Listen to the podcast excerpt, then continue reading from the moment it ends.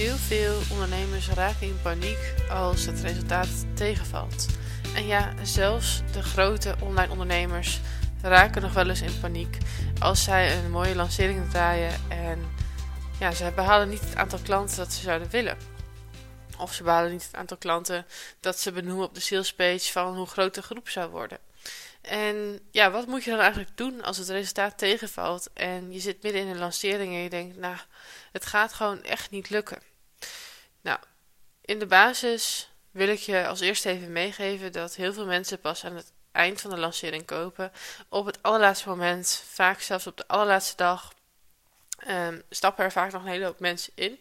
Want je hebt altijd verschillende fases in een uh, lancering, waarbij mensen die jou al langer volgen en die overtuigd zijn van jou, die kopen vaak meteen op de eerste dag dat jij je promotie begint. En dan heb je vaak een aantal dagen met pieken en dalen, waarop uh, ja, de groep die nog twijfelt, nadenkt of die wel of niet wil gaan instappen. En ja, op dat moment voel je nog niet echt de urgentie dat je zou moeten instappen, want de deadline is nog niet in zicht. Dus daarom zie je in die tussenfase dat er vaak minder mensen instappen. En dat is ook vaak het punt waarop ondernemers beginnen te twijfelen of het nog wel goed gaat komen. En dan, uh, ja, als je richting die laatste dag gaat, dan zul je zien dat de urgentie toeneemt. Want ja, de deuren gaan bijna sluiten, uh, de plekken zijn bijna weg, uh, de aanbieding gaat bijna offline. En dan zie je dat mensen toch nog de keuze maken om wel of niet in te stappen. Um, dus dat betekent dat je eigenlijk in alle gevallen gewoon je lancering zou moeten doorzetten zoals je hem gepland had. Um, en dat je dus niet zomaar moet opgeven. Dat is wat ik als eerste even tegen je wil zeggen. Maar uh, als jij echt ziet dat daadwerkelijk de resultaten achterblijven, of je zit aan het eind van je lancering, je zit op de laatste dag, of de lancering is voorbij en het resultaat is er niet naar. En je had bijvoorbeeld een groep van 10 mensen willen hebben en je hebt er maar twee. Ja, dan valt het resultaat toch vies tegen. En wat moet je dan doen? Moet je dan toch nog meer uit de kast gaan trekken om toch die plekken nog op te vullen? Of wat is dan wijsheid om te doen? En als je mij al wat langer volgt, dan weet je dat ik me helemaal heb verdiept in online cursussen, in het optimaliseren van je verkopen. Dus dan zou je wellicht ook verwachten dat ik nu zou zeggen van ja, ga dan lekker aan de slag met optimaliseren. Ga kijken wat je beter kan doen. Um, en dat is ook wel in veel gevallen zo. Maar ik ben geen voorstander om vanuit die paniek en die angst en het moeten uh, nog maar meer te gaan verkopen. Want het probleem is een beetje dat je in deze fase, als je dus daadwerkelijk ziet dat het resultaat tegenvalt, dat je niet zomaar alle toeters en bellen uit de kast moet gaan trekken. Want je moet gewoon even heel erg eerlijk naar jezelf zijn van hoe sta ik in de wedstrijd? En um, ja, wat zeggen die resultaten nu daadwerkelijk? En wat heb je allemaal al gedaan in je lancering of promotie of hoe je het maar noemen wilt? Wat heb je allemaal al gedaan om klanten te krijgen? En dan mag je dus heel eerlijk naar jezelf gaan zijn van heb je al alle mogelijkheden ingezet um, die je normaal gesproken zou willen inzetten of hoe je het gepland had. Um, en laat je daarbij dus nog kansen liggen. En daarbij moet je dus proberen om heel objectief naar jezelf te zijn en te zeggen, um, ja, heb je eigenlijk alles al geprobeerd of heb je nog kansen laten liggen? Want als jij uh, een week lang een promotie hebt en je gaat al zeven dagen mailen, dan zou ik niet aanraden om nog meer mails te gaan sturen. Want dan ga je je maillijst nog veel meer vol spammen. Um, terwijl zij eigenlijk al hebben laten zien dat ze niet van jou willen kopen op dit moment. En dan zou je kunnen zeggen, ja, ik moet nog meer zichtbaar zijn om nog meer te verkopen. Uh, maar het kan ook gewoon zijn dat ja, nu het moment gewoon even niet is. Plus, wat ik net ook al zei, als je vanuit die angst en vanuit de paniek gaat reageren, dan voelen mensen dat over het algemeen. Ze voelen wat jouw intentie erachter is en in hoeverre jij iets echt moet en um, ja, in hoeverre er zeg maar angst achter zit. Of dat jij onthecht bent aan het resultaat. Of jij hun oprecht verder wilt helpen of dat jij jezelf verder wilt helpen. En dat voelt de ander. Dus vanuit die gedachte is het ook niet aan te raden om vanuit paniek opeens nog veel meer te gaan ondernemen. Want die content wordt er vaak niet beter op. Het resultaat is er niet naar. Um, en als je dus nog veel meer acties gaat ondernemen en dus bijvoorbeeld nog meer je maillijst gaat spammen, uh, kan het ook zijn dat mensen juist daardoor zich gaan uitschrijven, terwijl ze dat in andere gevallen wellicht niet hadden gedaan. En dan is het dus best wel een gemiste kans, want daarmee raak je dus leads kwijt.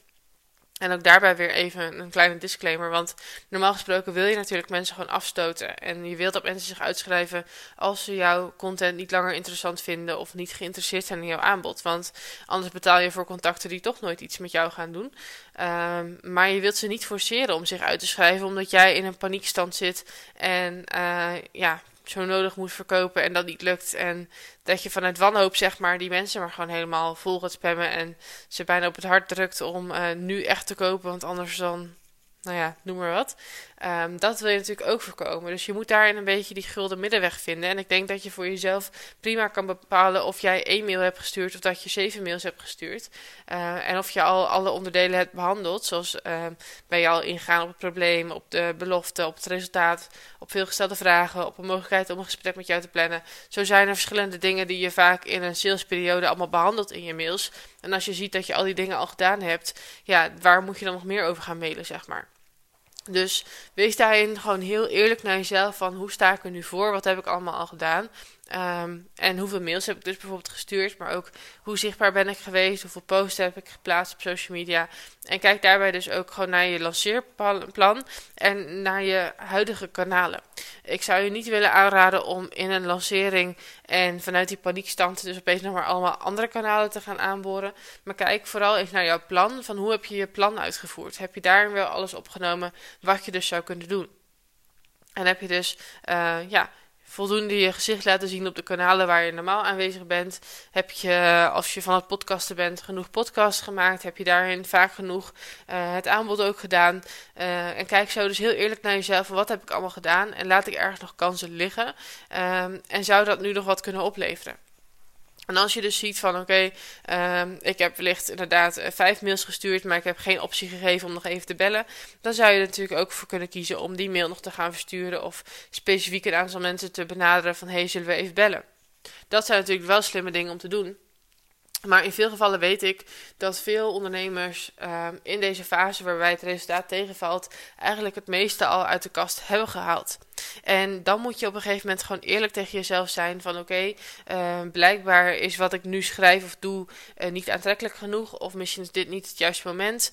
Uh, zitten mensen nu niet op het aanbod te wachten? Heb ik misschien toch de verkeerde leads naar wie ik dit stuur? Um, en ja, dan in sommige gevallen moet je gewoon zeggen van oké, uh, het resultaat is er nu gewoon even niet naar. En uh, leer dan je lessen van deze lancering. Ga dan achteraf gewoon goed analyseren van wat heb je allemaal gedaan, wat werkte wel, wat werkte niet, uh, wat voor mensen staan er nu daadwerkelijk op je lijst, wie heb je daadwerkelijk benaderd en waarom stappen die mensen nu niet in, wat zou erachter kunnen zitten. Vanuit die lessen kun jij ook weer je lessen leren en die inzichten kun je meenemen naar een volgende promotie, zodat je dan niet weer in dezelfde valkuilen trapt. Dus dat is eigenlijk wat ik tegen je zou willen zeggen. Van uh, optimaliseren is in heel veel gevallen gewoon heel erg goed. En ik zou je zeker aanraden om iedere lancering te optimaliseren voor een volgende lancering.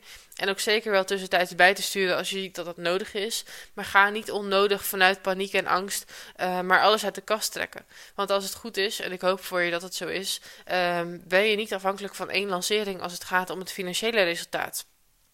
Vanuit mijn idee zou je altijd nog een buffer moeten hebben om een volgende lancering te kunnen draaien. Of om een ander product te verkopen. Of omdat je toch nog andere klanten ernaast hebt vanuit een andere dienst. Uh, en zeker ook als je in de opstartfase zit van je online cursussen dan wil je gewoon in eerste instantie nog een financiële buffer hebben of uh, een andere financiële zekerheid door bijvoorbeeld een andere dienst of uh, ja, ander soort klanten of een baan- en loondienst te hebben. Uh, zodat je niet van jezelf die druk zo ervaart en je ook naar jouw lezers die angst niet zo overbrengt van dat je per se moet op dit moment. Dat scheelt gewoon al een hele hoop druk op je lancering en ook hoe jij in de wedstrijd staat. En dat is ook vaak gewoon ja, terug te zien aan het resultaat. Dus dat is ook gewoon wat ik je vandaag wil meegeven van uh, wees eerlijk naar jezelf. Als het resultaat tegenvalt, leer daar dan van. Neem het mee naar de volgende lancering. Maar ga dus niet in alle gevallen ten koste van alles maar uh, ja, iemand helemaal kapot spammen omdat jij per se nu dit wil verkopen. Het kan gewoon een keer voorkomen dat het er gewoon nu even niet in zit, om welke reden dan ook. En die reden mag je dan gaan achterhalen, zodat je daar dus van kan leren en dat dus kan meenemen naar een volgende lancering. Zodat je dan dus wel het resultaat behaalt wat je zo graag zou willen. Nou, dat is eigenlijk wat ik vandaag tegen je te zeggen heb. Um, en natuurlijk wil ik je ook nog eventjes vertellen over mijn driedaagse die binnenkort gaat plaatsvinden. Ik uh, organiseer eind januari, begin februari, organiseer ik de driedaagse challenge Upherbal Your Sales.